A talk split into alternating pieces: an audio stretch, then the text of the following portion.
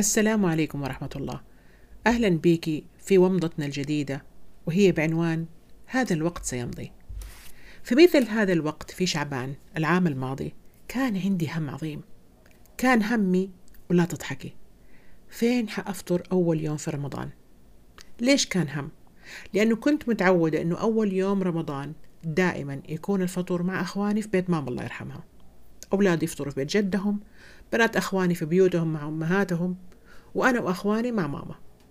كان الفطور دائما شوربة الحب عدد هائل من السمبوسة فول أم خالد الرهيب لحوح باللبن الفول واللحوح حتلاقوهم في حسابي في إنستغرام وقمر الدين. أما العام الماضي ماما كان صار لها ستة أشهر متوفية الله يرحمها. وكنت أصلا في ذاك الوقت بدأت أتخطى مرحلة التصالح مع الأمر وإنها الحمد لله توفيت ويا رب تكون ارتاحت بعد التعب لأنه مرضت مرض يعني طول معاها حبيبتي الله يرحمها. فأنا في البداية ما كنت زعلانة يعني كثير على موتها. كان عندي إحساس الراحة أكبر من إحساس الحزن. مرة كنت مرتاحة إنها ماتت وإنها الحمد لله يا رب إنها تكون ارتاحت. لكن بعد مرور ستة أشهر بعد ما تخطيت مرحلة التصالح مع الأمر حسيت إنه دخلت مرحلة ماما وحشتني. همي في ذاك الوقت السنة اللي فاتت همي كان فين حفطر؟ حسيت نفسي ضايعة. طبعا الفطور ما هي مسألة الفطور هو إنه إيش حآكل. مسألة الفطور هي الجمعة هي اللمة هي الإحساس بالأمان الإحساس بالانتماء بالعائلة. أنا كمان أصغر أخواني والبنت الوحيدة فيعني كان إحساس بالأمان مرة كبير. أخواني أكيد يبغوا يفطروا مع أهاليهم بعد سنوات من أنهم دائما يفطروا مع ماما. طيب أنا أروح أفطري مع أولادك في بيت جدهم؟ كنت أقول لنفسي لا لا لا ما, ما أبغى إزعاج وغلبة. أبغى هدوء أبغى روحانية. أبغى أشعر برمضان هادئ يعوضني عن رمضان اللي فايت. لما ماما كانت في العناية المركزة وكنت أنزل يوميا مرة أو مرتين في رمضان علشان أكون معاها. طيب أنا أروحي أفطري مع أحد أخوانك؟ أو يمكن أحسن لك تفطري في بيتك برواقة بعدين تروحي الصلاة. حاولت إني أزين الموضوع في نفسي يعني إنه روحي هنا روحي هناك وكل مرة أطلع حجة ما لها معنى. والحقيقة هي أني أنا كنت أبغى هذا الفطور السنوي اللي مع أخواني. وأنا افترضت من حالي جزاني الله خير إنه أخواني أكيد يبغوا يفطروا مع أهاليهم. وحتى في ذيك الفترة كتبت في سناب عن هذا الموضوع قد إيش إنه هذا الأمر مضايقني وقد إيش إني أنا في غم عظيم. لكن كنت أعرف إنه هذا الوقت سيمضي. كيف؟ متى؟ ما أعرف بس حيمضي. بعدين الله سبحانه وتعالى ألهمني إني أترك اقتراح في group أخواني. يعني الكلام ببلاش. أنا ماني خسرانة شيء. إيش بي أنا من حالي مفترضة؟ خليني أرمي كلمة في ال group وأشوف إيش رأيهم. قالوا okay الحمد لله. ما قالوا okay خلاص ساعتها أرجع تاني مرة أفكر إيش حسوي في أول يوم رمضان. فكتبت لهم إيش رأيكم يا أخواني؟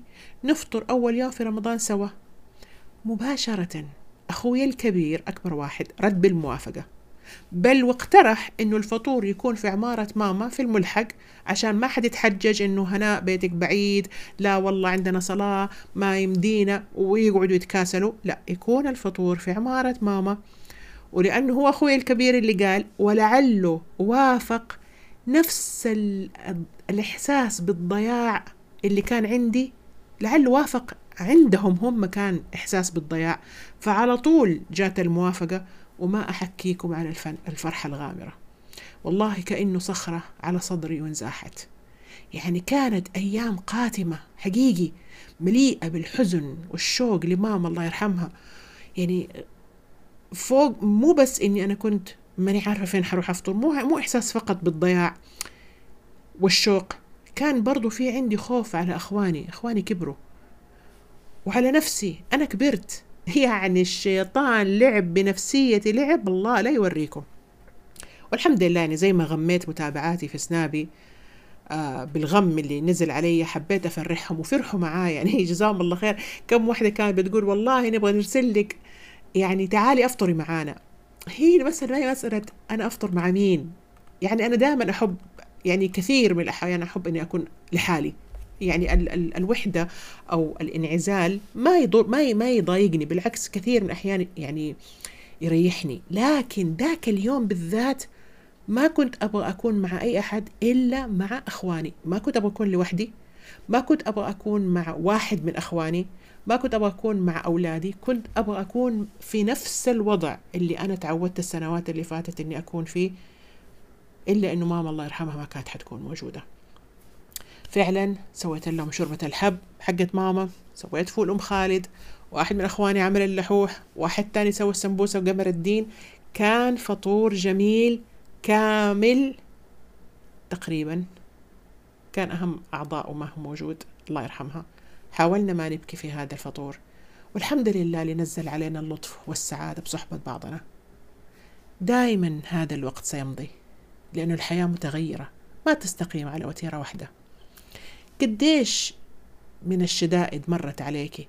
وظنيت إنك ما حتقدري تتجاوزيها لكنك تجاوزتيها بفضل الله ولطفه وصارت ذكريات. تمر بالمحنة وتعتقدي إنها من كثرة ما هي شديدة الوطأة عليك إنها بتدعس قلبك وتفركه في الأرض فرك وإنك ما حتقومي سليمة. لكنها تمر وما تضر بفضل الله. وتيجي الأخرى وتمر والثالثة والرابعة وفي كل مرة تظني إنك حتنكسري وما تقدر تستمري لكن بتستمري وتصير ذكريات. لما جاني السرطان وأخذت الكيماوي الكيماوي يا جماعة أصابني بالهشاشة مو هشاشة العظام لكن هشاشة الجسم والنفس والروح. يعني الإحساس المستمر بالألم بالوهن بالضعف اللي يسببه الكيماوي كان يعني يأثر على النفسية جدا وصادف وجود مشاكل في بيتي زعزعت كياني فكنت في كل إجراء طبي أو فحص طبي أروح له أشعر خلاص تعبت. يعني أحس إنه يعني هذا الشيء اللي أنا هذا الشيء الوحيد اللي أقدر أقوله ويعبر عن نفسي. خلاص تعبت. وكنت أحاول إني أنا ما أظهر همي ولا ألمي لأحد. يعني ما كنت أبغى أغم أمي الله يرحمها وما كنت أبغى إني أبان ضعيفة مع أولادي لأنه كنت أعتقد إنه هذا الشيء حيحميهم. هم طول عمرهم متعودين يشوفوا أمهم القوية. فجأة أمهم تصير ضعيفة. كنت أحس إنه يعني أنا أنا أنا أمانهم. فما ينفع الأمان هذا يتزعزع. لكني إنسان أحتاج أحد يقويني. فكنت أكلم بنت خالتي الكبيرة هي بمثابة أختي الكبيرة أنا ما عندي إخوات. وكانت تقول لي فكري إنه هذا البلاء اللي هو أي شيء كده يضايقك هو فصل في كتاب حياتك. كل يوم يمر أنت بتقلبي صفحة من هذا الكتاب وحتلاقي إنه بمرور الوقت قديش من الصفحات أنت قيدك قلبتي قديش باقي لك ما نعرف. هذا عم هذا أمر عند الله. لكن لكن انت انت قلبتي صفحات مرة كثير. فكنت لما مثلا أروح أعمل الرنين المغناطيسي اللي أعرف إنه هو يطول يعني تقريبا يقعد ساعة ساعة وشوية هذه الأشعة. وأنا في وضعية مزعجة ومتعبة لظهري مرة والأصوات مرة عالية. وطاخ طيخ طاخ يعني يسوي الرنين المغناطيسي يعرف قديش يعرف قديش هذه الأشعة مرة مزعجة. وظهري يعورني. فأذكر نفسي. هناء أنت الآن بتقلبي صفحة الرنين في فصل السرطان في كتاب حياتك. هذا الوقت سيمضي يا هنا وبعدين إما أنه يمضي بأن الله سبحانه وتعالى يشفيك ويعافيك أو إنه يعينك على الصبر ويلطف بيك ويرحمك بأنه يقبضك إليه. المهم إنه هذا الوقت ما حي ما حي يدوم حيمضي. وفعلا يمر الوقت وأكتب عن هذه التجربة في كتاب حقيقي مو كتاب افتراضي أو كتاب وهمي في كتاب حقيقي. صارت ذكريات. والحمد لله أنها كانت ذكريات سعيدة. كيف ممكن يكون السرطان ذكريات سعيدة؟ ما عدت أتذكر الألم بل أحاول إني أتخيله إذا إذا إذا احتجت إني أذكر. يعني زي مثلا ما جاب أكتب في كتابي أحاول أتذكر الألم. ما الألم ما هو موجود. خلاص ما هو موجود. فأقعد أحاول أستجلب الذكريات بالقوة. أعتصرها اعتصار عشان أفتكر كيف كان الألم. ما عدت أتذكر المعاناة إلا أنه كان عندي ألم كان عندي خوف كان عندي كذا.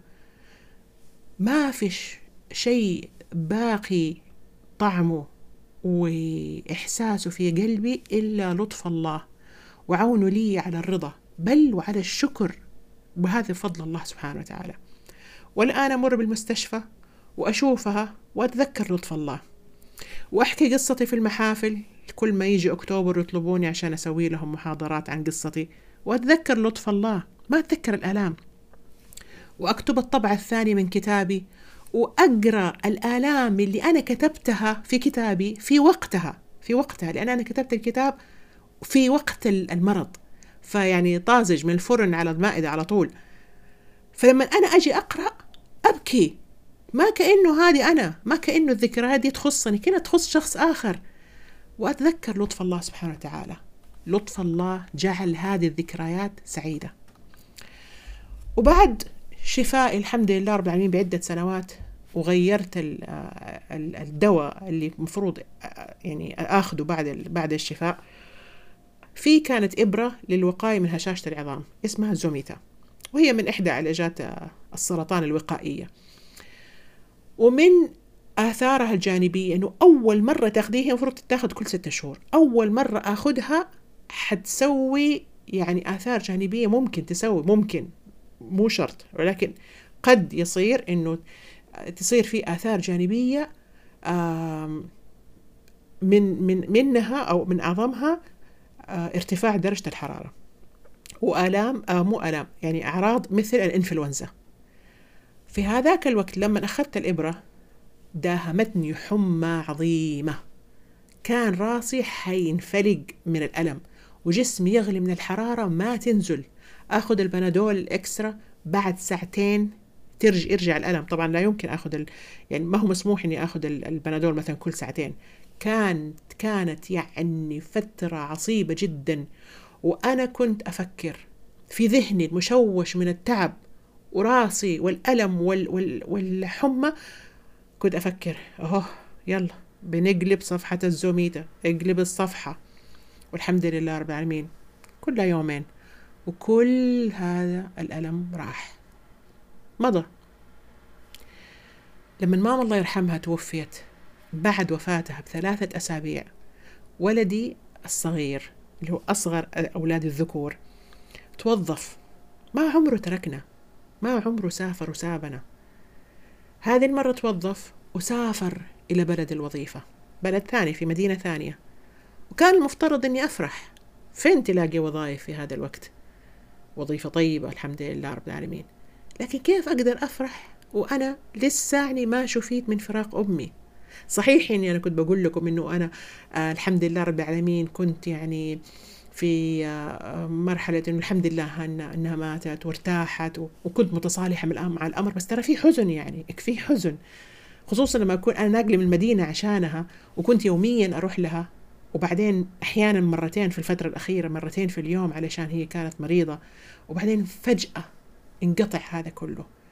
فأنا كنت لسه ما شفيت من فراق أمي ويجي واحد من أولادي يتركني كان أسبوع الأول أسبوع مظلم وقاتم علي وعليه حتى هو كان يتصل علي يوميا. وأسمع من صوته النكد والحزن والغم لأنه هو نفس الشيء ما سابنا أبدا وهو يعني مو متعود على هذا الوضع. فأنا كان يضايقني مرة الوضع إني أنا في شوق لأمي ولدي سايبنا وفوق هذا كله أنا مو عاجبني ليه أنا متنكدة. طبعا يعني مهما أقول طب طبيعي هنا إنك تتنكدي. أيوه بس أنا ما أبغى شعور النكد شعور ال ال ال الانغلاق هذا الغلقة. كيف كيف مرة من جد كانت نفسي في في غلقة في في غصة. ما ما يعجبني هذا الشعور. لكن ما كان عندي حل آخر يعني ما ما عندي حل ما أقدر أسوي ولا حاجة. ما كنت أقدر أشوف أي شيء كويس في روحته. كنت أعرف إنه هذا خير من الله. إيش هو الخير؟ ما أعرف. أحيانا يا جماعة تقدري تعرفي إنه هذا الشيء اللي حصل لك هو فيه خير. إيش هو الخير؟ لعله كذا لعله كذا. بعد كده أنت تحاولي إنك أنت تتصالحي مع مع هذا الحدث المؤلم بإنك تذكري نفسك بإنه في خير. وأحيانا كثير يعني ينجح معك الأمر. هذه المره أنا ما قدرت أشوف أي شيء كويس في ذهاب وتوظفت بقدر أشوف وظيفة ثانية معاي في البلد وكنت دائما أدعي إنه هذا الولد ما يتوظف خارج جدة. ما يتوظف خارج جدة. ويجي تيجي الوظيفة خارج جدة. فما كنت أقدر أشوف أي شيء كويس إنه هو راح. على الأقل مو في هذا الوقت مو في الوقت اللي أنا كنت محتاجة فيه يعني دعم محتاجة كده محتاجة كده دفى في قلبي. كنت يوميا أبكي. إلين ما ربنا أرسل لي مكالمة إرسالا. مكالمة بينه وبين واحدة من الأخوات. في خلال هذه المكالمة قالت لي أشياء معينة ومباشرة ذهني سوى مقارنة بين وضعي ووضعها. هذه المقارنة خلتني أغير نظرتي إلى وظيفة ابني وإلى سفره فصرت أنظر بعين الرضا والامتنان. حسيت أخيرا بعد أسبوع كامل من الغلقة إني أنا راضية إني أنا ممتنة لله سبحانه وتعالى إنه هذا الشيء صار. ولما كلمته وقلت له أنا صار بيني وبين فلانة كذا كذا وقالت لي وقلت لها وحسيت يا ولدي كذا كذا كذا ونقلت له مشاعري كأنما غبار كثيف أسود انقشع عن عيوننا. والحمد لله. ببساطة ذاك الوقت مضى. ودحين كل ما أتذكر واحدة من الأحداث العصيبة الكثيرة في حياتي وأتذكر كيف إنها مرت وصارت ذكريات أشعر بالامتنان العظيم لله ويغمر قلبي الرضا والحب له سبحانه وتعالى. عشان كده خليني أقول لك على حاجة. كل ما مريتي بأوقات صعبة وتجارب مؤلمة حطي في بالك إنك عندك واحد من أمرين. إما إنك تقدري تغيري في هذا الشيء وتعدلي وتدفعي عن نفسك الأذى. يعني بيدك إنك تسوي حاجة. هنا أيوة فكري. بل اقتري الأمر تفكيرا وتمحيصا. وأقعدي فكري فكري فكري كيف تقدري تتخلصي من هذا الشيء اللي بيدك إنك تغيريه واستعيني بالله وإعزمي. وإما إنه ما يكون بيدك ولا شيء. هنا إيش حتقدر تسوي؟ أنا لما جاني السرطان إيش كان بيدي إني أنا أسوي؟ طيب رحت الدكاترة كل حاجة. هل بيدي إني أنا أغير المرض؟ لا ما هو بيدي. إذا إيش الفائدة إني أقعد يوميا أفكر هل حموت هل ما حموت هل حتعافى هل ما حتعافى هل حيصير ليه؟ ليه أغم نفسي وأنكد على نفسي بشيء ما هو بيدي إني أنا أغيره؟ فهنا ما كان عندي حل إلا إني أرمي الموضوع ورا ظهري. انت نفس الطريقة. إذا كان ما بيدك شيء إنك تغيري في الموضوع ده اللي مضايقك ارمي الموضوع ورا ظهرك. لا تفكري فيه. كل ما يجيك الشيطان علشان يذكرك طيب يا فلانة إيش حنسوي في الموضوع الفلاني؟ لا قولي ما حنقدر نسوي شيء. قولي بصوت عالي. قولي ما حيمدينا نسوي شيء. وارمي الموضوع ورا ظهرك وعزي نفسك إنه هذا الوقت سيمضي وحيصير ذكريات. أنت اختاري نوع الذكريات. تبغيها ذكريات سعيدة؟ فيها استشعار للطف الله بيكي وإلهام لك الصبر والرضا؟ ولا تبغيها ذكريات تعيسة ما فيها إلا السخط والتبرم ثم التعب والألم. أنت بيدك تختاري ذكرياتك. يعني على رأي ماما صبرتم أجرتم وأمر الله نافذ. ما صبرتم وزرتم وأمر الله نافذ. ما دام أمر الله نافذ في كل الأحوال وأنت ما بيدك تغيري لا تفكري. فقط اصرفي تفكيرك وجهدك وطاقتك النفسية في إنك تستشعري لطف الله سبحانه. ضروري تستشعري اللطف لأنه هذا فقط اللي حيخليك تقدري تصبري. ترى اللطف موجود. كل بلاء ينزل على الإنسان الله سبحانه وتعالى ينزل معاه لطف لأن الله لطيف. لأنه مو معقول إن الله اللطيف يبتليكي وما ينزل معاه لطف بس أنت لازم تروحي تدوري على هذا اللطف. لازم تروحي تدوريه مو شرط يكون في نفس بلائك مو شرط يكون من نفس جنس البلاء. ولكن في أمور تانية محيطة حوالينك. لو فتحت عينك مرة كويس حتلاقي إنه هنا في لطف وهنا في لطف وهنا في لطف. لو أنت عزيتي نفسك بهذه الألطاف الثانية حتنسي البلاء. أو على الأقل حتخفف مرة كثير من وطأته عليك. طيب هذا لو مرينا بتجارب مؤلمة ومزعجة. إيش لو كانت حياتنا سعيدة بشكل عام؟ كانت ناعمة كانت يعني مترفة. هل نفكر إنه هذا الوقت سيمضي ونظل خايفين متى الله سبحانه وتعالى حيغير علينا؟ لا. هنا عليك إنك تحسني ظنك بالله وتعملي على شكر النعمة. لأنك أنت مبتلاة بالنعمة ولازم تشكريها. زي ما غيرك مبتلى بالعذاب ولازم يصبر عليها. لا تخلي النعمة تبطرك وتطغيكي وتشعرك إنك ما أنت محتاجة لله. طبعا ممكن تجي واحد تقول أعوذ بالله استغفر الله العظيم كيف ما أنا محتاجة لله؟ إحنا نقول ده الكلام بألسنتنا ولكن أفعالنا قد تكذب ما نقول. ننسى أحيانا ليش ربنا خالقنا؟ إلا إلا إلا ربنا خلقنا العبادة ثم لو الوحدة نظرت في أفعالها لوجدت أنه أفعالها مرة بعيد عن العبادة. فأنت لا تنسي ربنا خالقك ليش؟ ولا تترك الدعاء بالاستدامة والعافية. إنه الله يديم عليك النعمة ويديم عليك العافية ويديم عليك هذا اللطف والرزق من عنده. ولا تنخرطي في المعاصي.